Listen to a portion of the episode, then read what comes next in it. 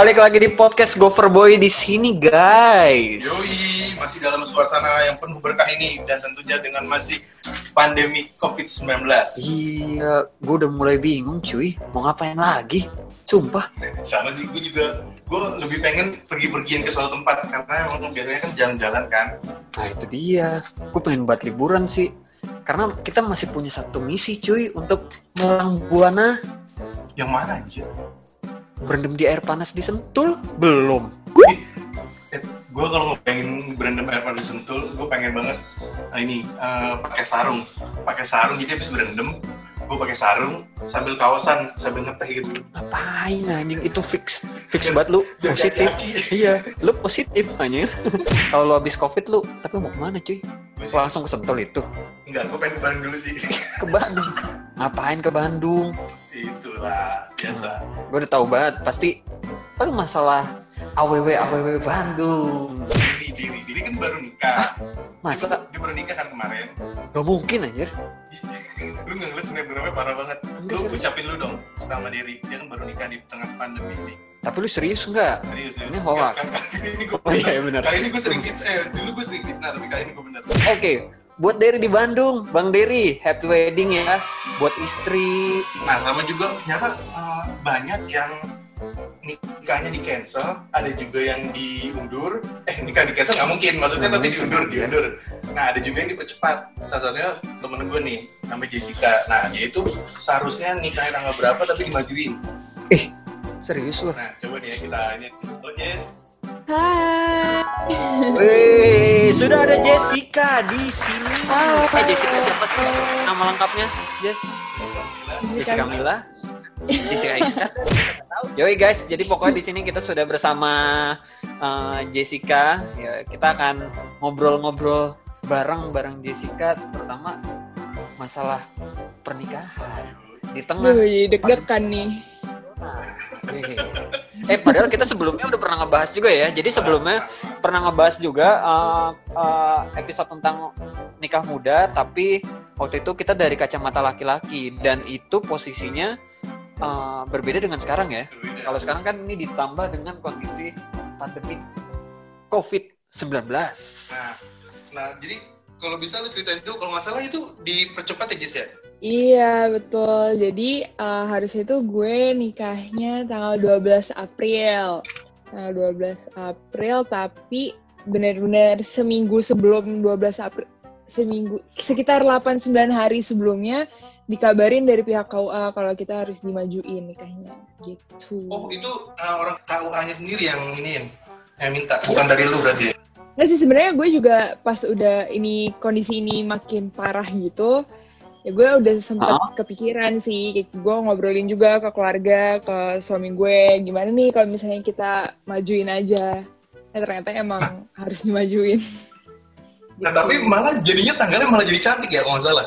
Tanggal berapa emang sih? iya benar jadinya empat empat dua puluh dong Wih, empat empat dua puluh. Kenapa nggak Empat dua puluh, cuy. Kenapa nggak sebelumnya lu ini ya? Emang tanggal itu gitu loh. Jadi tuh eh, tanggal 12 itu tanggal di mana gue sama suami gue pertama kali deket ya pertama kali lah gitu terus Pertama kali dekat atau pertama kali jadian? Nah, Jadi gue gak pernah jadian. Gue gak pernah jadian. Iya, gue gak pernah ditembak. Hah? Dijalanin aja. Yoi. Ternyata bener tuh buat kayak gitu. Eh mending kayak gitu, iya. Tapi, Daripada tapi kalau lu itu jadi malah jadi alasan buruk. iya. Biar bisa sana Udahlah. sini lagi. Tidak usah dibahas lah, itulah tentang saya tidak usah dibahas lah. Nah kalau misalnya itu lu udah ini nggak uh, dibatasin nggak berarti kan dibatasin kalau kayak gitu ya? Apa ya itu? Yang datangnya Kalau dari sebenarnya peraturan dari kaunya sendiri sih cuman boleh 10 orang. Hmm. Cuman alhamdulillah gue tuh memang dapet penghulu yang baik. Jadi dia ngertiin banget kondisi yang kayak sekarang. Jadi gue dikasih keringanan boleh sampai 15 orang. Cuman 15 itu udah termasuk sama uh, uh, gue, suami gue, wali, saksi, penghulu. Jadi yang datang ya cuman orang tua aja sih sama kakak sama adik gitu. Wih, Eh, Jess, tapi lu pernah gak sih, maksudnya sempat sempat, maksudnya lu kan pasti kan rencananya kan sebelum sebelum kondisi sekarang kan, maksudnya kalian bakal uh, menikah, terus lu sempat nggak pas udah mendekati bahwa kondisi sekarang lumayan cukup gaduh, lu sempat mikir kayak, aduh, oh, khawatir, aduh, berat, bisa nggak ya? Gitu? Iya, gue sampai nangis. Jadi uh, pas serius? ini kan baru, iya serius. sih corona baru ada di Indonesia itu kan Maret awal ya, ya. awal-awal Maret. Itu awalnya gue masih yang biasa aja gitu karena gue nggak nyangka bahwa penyebarannya secepat itu. Jadi pas minggu pertama minggu, minggu kedua Maret gue masih ngejalanin uh, plan-plan seperti biasa plannya tetap jalan lah intinya gue masih sempat technical meeting juga sama venue sama wo nah sampai yang ada isu di mana nikah itu nggak boleh lagi kan, nggak boleh ada acara pernikahan, terus uh, ada isu-isu yang dibubarin. Nah itu gue langsung tuh bener-bener nggak stres sih sebenarnya, cuma jadi kepikiran banget sampai gue tuh nangis karena kan ya salahnya tuh gue tuh udah punya ekspektasi yang besar banget itu buat nikahan gue gitu. Gue tuh udah plan this far ahead, terus ya udah ngemaksimalin usahalah biar nikahan ini tuh sesuai sama ekspektasi gue. Cuman ternyata ya nggak bisa gitu loh. Ya itu sih sempat down banget memang. ada, ada keinginan gitu ya kalau cewek ya. Kayak apa ya? Punya apa ya? iya kayak ya, udah udah tahu gitu nanti begini begini begini aduh aku akan iya benar udah nah, nyiapin jauh-jauh hari. Wah itu dia tuh yang yang gue pengen tanyain. Nah kalau misalnya itu lu ada kayak rugi misalnya kan lu otomatis kan udah booking apa? Mm oke okay, kalau misalkan masalah kerugian sih uh, alhamdulillah dari semua venue itu pengertian. Jadi emang karena kondisinya kayak gini ya mau gimana juga mereka nggak bisa apa-apa juga kan. Nggak ada yang bisa bertindak. So mereka ngasih keringanan untuk kita undur jadi Oh, uh, jadi nanti bakalan ada ini nih. Bakalan ada resepsinya. Insya Allah maunya sih belum ada.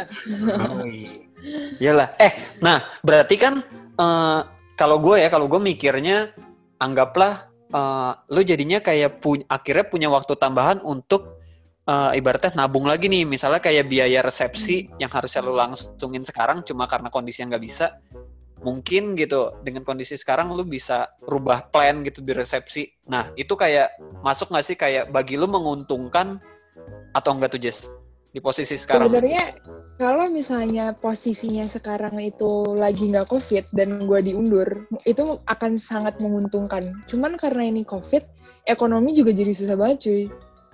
Kayak ah, di kantor gue sendiri uh, walaupun kita nggak ada efisiensi pegawai, cuman kita ada pemotongan terus ya kayak THR nggak dapat jadi yang niatnya tadinya mau uh, eh, gue juga kepikiran itu wah gue jadi ada waktu nih buat nabung lagi. Cuman ya gimana ekonominya juga jadi susah gitu. Iya, duitnya dari mana? gue, iya benar. Untung nggak untung sih sebenarnya. Nah ya kayak undangan gitu lu udah sempat nyebar belum Jess ke teman-teman lu gitu? Udah, jadi ya itu gue sedih banget sih. Undangan itu gue udah ngeprint lumayan banyak kan. Jadi tadinya gue juga maunya uh, digital gitu loh. Cuman ternyata kalau lu print undangan itu dikit, harganya malah lebih mahal. Karena lu kena harga borongan, jadi kan gue harus ngeprint lumayan banyak. Dan itu gue juga udah sebar-sebarin. Terus souvenir gue juga udah jadi. Dan souvenir gue itu ada tanggalnya gitu loh. Aduh, itu dia sih. Iya. Nah, itu gimana tuh? Apa nggak dirubah atau buat jadi kenang-kenangan? Apa gimana? Um, kalau misalkan dirubah, kalau menurut gue ya itu kan duit lagi.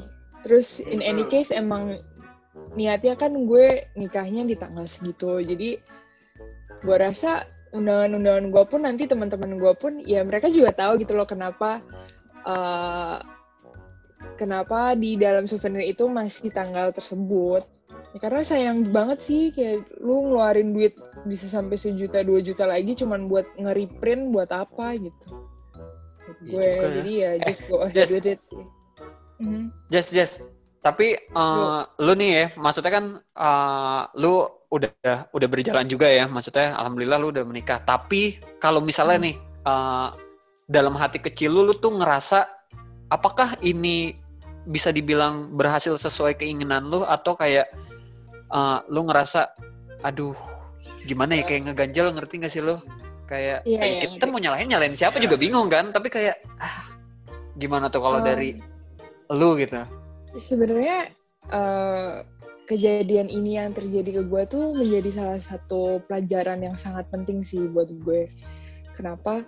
Karena yang penting itu kan lu nikah ya. Yang penting lu udah halal menjadi suami istri. Cuman yang salahnya adalah gue memiliki persepsi yang nikah itu harus ada acaranya. Nikah itu uh, harus dream wedding gue lah. Di mana that's not the point of marriage gitu. Jadi yang gue dapetin sekarang ya walaupun nggak sesuai sama harapan gue gitu ya kan nikah ya insya Allah cuma sekali lah siapa sih yang mau nikah berkali-kali cuman nggak bisa ngedapetin dream gue ya ya nggak apa-apa gitu pasti there's something behind it yang much more better so ya sesuai sih. Ya iya. Nah nah sekarang kan lu udah jadi seorang istri nih. Nah, banyak hmm. perbedaan nggak antara lu kemarin sebagai ya wanita wanita yang inilah maksudnya wanita muda Gak. apa sama aja? Beda banget cuy. Sekarang itu uh, beda banget lah. Apalagi di bulan Ramadan ini ya. Kayak gue tuh harus bangun pagi nyiapin nah, sahur nah, itu nyiapin Terus, sahur dan gue tuh biasanya uh, dari dulu uh, gue ini kan tahun kedua gue sorry tahun ke ya tahun ketiga sorry tahun ketiga gue ngerasain uh, Ramadan. Oh, ya, tahun iya. pertama kedua tuh gue jarang banget masak. Kenapa? Karena gue nggak bisa nyicipin gitu kan. Nah sekarang hmm. gue udah jadi istri ya mau nggak mau, mau gue tetap harus masak walaupun nggak bisa gue cicipin. Terus um, biasanya gue nggak terlalu rajin bersihin rumah, gue harus lebih rajin lagi. Ya banyak sih perbedaannya. Wih, lu bangun juga harus lebih awal apa emang bangunnya bareng iya, gitu? Iya, iya, Nyiapin nyiapin. Cuman, karena masih Sahur. adjusting ya, jadi kadang masih bareng. Hmm? Yoi, masih menyesuaikan. Eh, Jess, tapi gue baru tahu uh, kalau ternyata ini adalah tahun ketiga lu ya. Hmm. Iya betul. Berarti, nih sorry sorry nih, berarti sebelumnya lu bukan seorang muslim? Iya, belum sebelumnya. Wih, berarti Jadi I'm not born a Muslim. Dan lu adalah seorang mualaf ya, berarti? Iya, alhamdulillah. Lu idola gue. gue baru, gue baru pertama kali soalnya. Tapi oh. sumpah gue karena gue baru pertama kali maksudnya kenal, eh bukan kenal ya, iya sih kenal. Maksudnya berinteraksi, orang. berinteraksi iya, langsung sama... gitu loh. Walaupun. Wih. Dan lu asal lu tahu, gue waktu pertama kali nonton, jadi lu punya channel YouTube ya kalau nggak salah ya? Iya bener banget nonton dong subscribe jangan lupa. Udah gue udah nonton semua. Asik the best the best. Waktu, waktu Jessica apa upload di Instagram itu gue nontonnya tuh yang yang dikasarin itu ya kalau nggak salah yang ada oh, iya, wanita itu ya, wawancara sama Jessica. Nah itu gue belum lihat video yang yang lo mualaf itu loh waktu ya, waktu pertama-tama. Nah waktu pas gue denger itu pas yang kata lu baca kalimat dosa adat itu gue langsung merinding sih asli. Sih. sumpah, sumpah. Soalnya gimana ya? Gue gue termasuk orang yang kurang kurang taat lah ibaratnya ah, gitu. Kamu, kamu Islam KTP dia. iya. Makanya gue gue kayak langsung anjir gue bilang kayaknya Islam KTP kalah nih sama dia kayaknya. Jess, Jess. Tapi sorry sorry nih. Uh, hmm gue jadi pengen tahu nih ya terserah sih maksudnya lu mau share jelas atau gimana tapi boleh nggak sih gue tahu apa yang ngebuat lu maksudnya atau apa ya gimana ya lu tuh dapet apa sih iya iya lu, dari mana uh -uh, kenapa lu mau memilih untuk masuk sebagai seorang muslim? Uh, kalau misalnya lo nanya kenapanya, sebenarnya banyak faktor sih dan ceritanya cukup panjang. Itu udah gue ceritain sih di YouTube gue. Cuman secara garis besarnya sih uh, dulu gue bukan orang yang mengagumi agama Islam ya. Gue jujur gue banyak banyak ngeritik agama Islam karena uh, dulu sebagai orang awam gue ngelihat banyak yang dilakuin orang-orang muslim itu aneh gitu di mata gue Hmm. cuman setelah uh, yaitu setelah gue akhirnya kenal Islam dan gue mencari tahu keraguan gue itu nggak ada satupun keraguan gue yang nggak bisa dijawab sama sekali. Jadi semuanya itu ada jawabannya di Quran. Nggak ada yang ngejawab. Siapa pun yang gue tanya itu nggak pernah ngejawab gue berdasarkan opini mereka. Emang ada jawabannya di Quran di hadis gitu jadi di situ gue ngeliat kayak Merinding, semua nih. yang diajarkan, semua yang dianjurkan ya memang tertulis gitu loh. Nah sama ada satu kata yang eh, nyangkut di teman gue. Jadi kan ada di podcast ini kan ada yang bagian buat ngeriset juga kan. Nah gue suruh gue nyuruh dia untuk nonton YouTube lu tuh. Mm-mm. Nah kata-katanya itu yang kalau nggak salah yang eh, aku takut sama mama. Eh, bukan takut sih kayak aku gimana sih yang yang kata-kata itu loh. Iya. Yang aku takut. Iya, Sama aku aku. takut sama. Coba bisa diulang nggak tuh? Aku takut. ya, gimana ya? Gue lupa sih persisnya ngomongnya gimana. Cuman intinya ya gue takut sama nyokap gue. Cuman gue lebih takut sama Allah. Dia dia langsung dia langsung bilang bilang ke gue si Upil kayak Cin ini asli keren banget dan gue kayak gitu langsung ih lu baru nonton lu. Itu dia tapi kan gue gini ya ini kayak lu tuh kayak ini pilihannya cukup berat juga loh gitu. Kayak ini sama-sama apa ya gue gue benar-benar gue nggak bisa ngebayangin sih maksudnya di posisi saat lu itu bagaimana lu mungkin dilemanya atau apa. Tapi yang jelas gue respect banget sih gue respect banget sama lu Jess gue respect banget dengan keberanian lu untuk mengambil keputusan mengambil besar. keputusan besar ini dan tentunya nggak cuma asal milih gitu Atau dari penjelasan lu gitu aja kan. tadi kayak lu yang menjawab itu langsung Al-Qur'annya itu bahkan gua yang dari kecil udah memang terlahir sebagai seorang muslim aja gua denger itu aja kayak rasanya merinding juga ya bukan merinding merindingnya itu adalah kekuatan Allah coy. Respect respect Jess welcome to welcome to masa gitu ya masa welcome Maksudnya di welcome itu parah banget. Enggak, masalah nikah muda nih. Nah, waktu awal-awal ini dah lu ngerasa ini nggak kayak ngerasa apa ya? Males gitu nggak? Lu dulu mas, termasuk orang yang mageran nggak? eh dalam hal apa dulu nih? Maksudnya ka- ada beberapa hal yang kayak gue mager. Cuman Ah, ya. biasa aja sih. Jangan anda samakan kehidupan dia dengan anda. Anda semua hal mager. Dia semua hal mager. Enggak maksudnya, ya maksudnya mager standar wanita gitu loh kayak ah, nonton film gitu di di kamar terus. Oh, enggak juga sih. Ini juga ya. Jadi gue nikah muda itu sebenarnya awalnya juga nggak nggak dibolehin cuy kayak gue Oh, dianggap terlalu muda terus eh ya gimana sih orang-orang tua pasti ngeliatnya tuh kayak ih lu kemudaan lu kan belum lulus. Kayak nggak nggak ada pegangan apa-apa sebagai cewek. Kayak gitu-gitu sih sebenarnya banyak sih yang meragukan gue yang malah yang awalnya nggak support tuh banyak yang kayak ngeliat gue itu kayak ABG ABG pelintan ya apa sih bahasanya? Apa gila Tapi gelabil. Eh iya ABG labil yang kayak nikah gara-gara musiman aja gara-gara banyak. Juga so- saya suami gue sama gue kan uh, beda umurnya lumayan jauh kan. Beda 8 berapa tahun? hampir Oh, beda 8 delapan tahun. tahun. jadi banyak yang ngira juga gue tekanan dari dia. Ya, padahal sih sebenarnya enggak gitu loh karena emang gue mau juga. Ya kalau lu bisa bahagia sekarang ngapain lu tunda-tunda gitu loh asik Waktu nikah itu lu usianya emang berapa sampai di, sampai nggak dibolehin? Nah, waktu pas lu nikah itu umurnya berapa Jess usianya sekarang nih? 20. Kok gue ngerisetnya 21 ya? 20 gue. Oh 20. Oh, Berarti ya bener sih. Itu Dua- itu ibaratnya masih muda sih. Iya. Iyalah, gue Iya. gue juga masih kuliah. Gue masih semester 4. Oh, masih kuliah tuh semester 4 nah. Berarti bener Mm-mm. ya. Baik lagi di episode yang waktu itu nikah tuh masalah keyakinan ibaratnya. Iya, Kalau sama udah merasa yakin mantap ya udah. itu dia.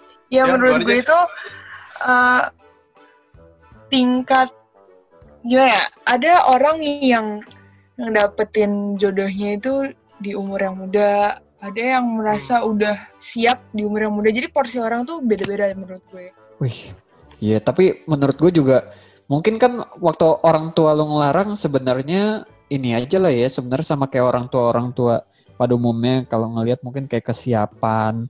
Karena kan mungkin orang tua nggak Hmm. bisa ngelihat dari kesiapan hati gitu loh. Iya betul. mungkin dia bisa ngelihat secara fisik. Orang lain kan mungkin gitu karena ngelihat ah lu kan masih kecil masih sekolah. Jadi nggak mungkin mas masa nikah sekarang. Tapi kan kita nggak tahu kalau ternyata hati kita misalnya pada saat itu kita sudah siap. Mm-mm. Setuju Nah, kira-kira lu ada pesan-pesan nggak buat yang misalnya lagi ngalamin hal yang pernah lu alamin gitu loh, kayak nikah muda itu? Eh, kalau dari gue sih sebenarnya banyak orang yang mikir nikah muda itu eh sesuatu yang bukan negatif sih, cuman pikiran orang itu masih belum belum terbuka ya tentang orang-orang yang nikah muda. Balik lagi kan setiap orang itu eh, beda-beda. Ada yang udah ngerasa yakin di umur muda kayak gue dan nikah nikah itu nggak berarti kayak orang tuh bilang setelah nikah tuh akan beda banget tuh baru tahu pasangan lo kayak gimana. Dan mostly mereka tuh bilangnya uh, itu bad. Cuman ya enggak. Ya kembali lagi lu nikah tuh niat lu apa? Lu nikah ya kalau niat tuh ibadah lu pasti akan dikasih kemudahan dalam semua step yang lu ambil di dalam pernikahan lu itu. Gitu Menurut gue Bukannya malah kembali nikah lagi malah aja ke niat lu karena, apa uh, nikah itu seru nggak sih maksudnya? Kayak misalnya Seru lu jadi ada sih. teman gitu loh. iya tapi seru seru banget pasti gue kan. apa apa Itu ada banget. temen ceritanya Tuh. Hmm. Eh, gue pengen tahu juga nih, lu jadi ada ngerasa ini nggak Jess? Maksudnya hal hal apa yang apa ya? Lu kayak baru baru lu rasain setelah lu menikah. Mungkin kan dulu sendiri gimana gitu. Hal sepele apa gitu? Nyiapin Yang- makanan. Kalau makanan umum, mungkin maksudnya hal-hal yang dulu waktu kita misalnya lajang kita bisa lakuin, tapi sekarang udah berkeluarga kayak lu nggak bisa lakuin gitu. Ada dari hal Apa yang tersimpul sih hal yang tersimpul ya contohnya lu nggak bisa apalagi se- istri ya istri tuh nggak bisa tuh yang kayak malas-malesan kayak lo harus lebih rajin sih. Kalau itu hal yang paling simple eh, rajinnya itu dalam ya kayak beres rumah atau nyiapin makanan terus ya at least lu nggak kelihatan diem aja gitu di depan suami lu Atau nggak mancing gitu ya di deket rumah. Ya, tidak mungkin Sumpah, mancing. anjir. sumpah dia mancing loh. Lu pemancing? Iya, Jadi tuh, waktu itu di rumah salah- di rumah Tuh. suami gue emang ada empang Mancing gitu. bannya. Mantap. Coba ceritain Jess, waktu itu lagi habis sholat zuhur ya? Eh, asar. Iya, a- enggak zuhur bener. Oh, zuhur Jadi- bener. Kan gara-gara covid ini kita nggak bisa ke mana-mana, bosen banget. Terus gue emang dari dulu pengen mancing tapi belum kesampaian. Terus uh, di rumah di rumah dia itu emang ada empang gitu kan. Terus gue Hmm. lagi lagi mau wudhu tuh mau wudhu pas sholat pas sholat gue mau wudhu gue wudhunya di lantai dua kayak kelihatan empang gitu. Gue semua ngeliat ada ikan gede-gede banget cuy. Terus gue kayak oh gila gede banget gitu. Gue pengen nyobain mancing. Akhirnya gue beli pancingan. Gue sampai apa belinya online tuh. Gue yang minta yang gojek instan tuh. Gue bener-bener niat banget deh. Berarti lu, tapi ni- pas lu nyampe gue nggak ngerti cara masang pancingannya cuy. Jadi gue ke tukang buru Sampai suami lu ikutan juga ya? Iya dia ikutan juga Tuh. Semuanya ikutan Seru banget. Gue bilang gini, maksudnya kan muka lu kan agak-agak bule gitu kan ya, emang bule sih maksudnya. Nah jadi gue kalau ngeliatnya, anjir, anjir dia mancing. Kayaknya kalau kalau bule mancing di laut tuh keren gitu ya. Tapi kalau cerita ngeliat empang gitu kan. itu satu apa ya kebanggaan. Nah yang- itu jadi salah satu keseruan di mana kalau kita nikah gitu kan, maksudnya Yoi. jadi punya Ya, temen banyak gabut yang lah bisa ibarat- explore bareng-bareng Nah itu apalagi tuh, ibaratnya ya seru lah nyari-nyari tahu bareng-bareng. Is. Eh, Jess, makanya tapi lu jadi sekarang kapan Hah? nggak nggak gimana Enggak, Langsung diem ditanyain lu kapan. lu kapan? Oh, nanya kita. Iya. Kita kapan? Gue pura-pura nggak denger ya. Kita kalau kayak gitu otomatis kita pura-pura diem aja lah. Jess, lu kerja apa gimana? Apa kegiatan lu setelah gue menikah? kerja jadi gue emang kerja sambil kuliah dan sekarang juga setelah nikah masih sama kerja sambil kuliah juga Wih, Itu pernah dibahas di YouTube channelnya dia. wih. Jadi buat para pendengar, kalau mau tahu sengkapnya nonton di YouTube-nya Jessica Iskandar. Subscribe at Jessica Shakila. Lu nggak tahu, iya kan? Di, di mana harus Jess? banget subscribe, nonton, like Jessica Shakila. Wih, jangan lupa subscribe, Subscribe. komen, Wih, subscribe. Komen, Apa, komen. Pasti gue balas, pasti gue reply. Asik. Wih. Namanya dong, namanya biar jelas apa? Nama channelnya? Jessica double S Shakila. Yo. Oh, follow aja IG gue at Jessica Shakila. Di situ juga ada link buat YouTube gue.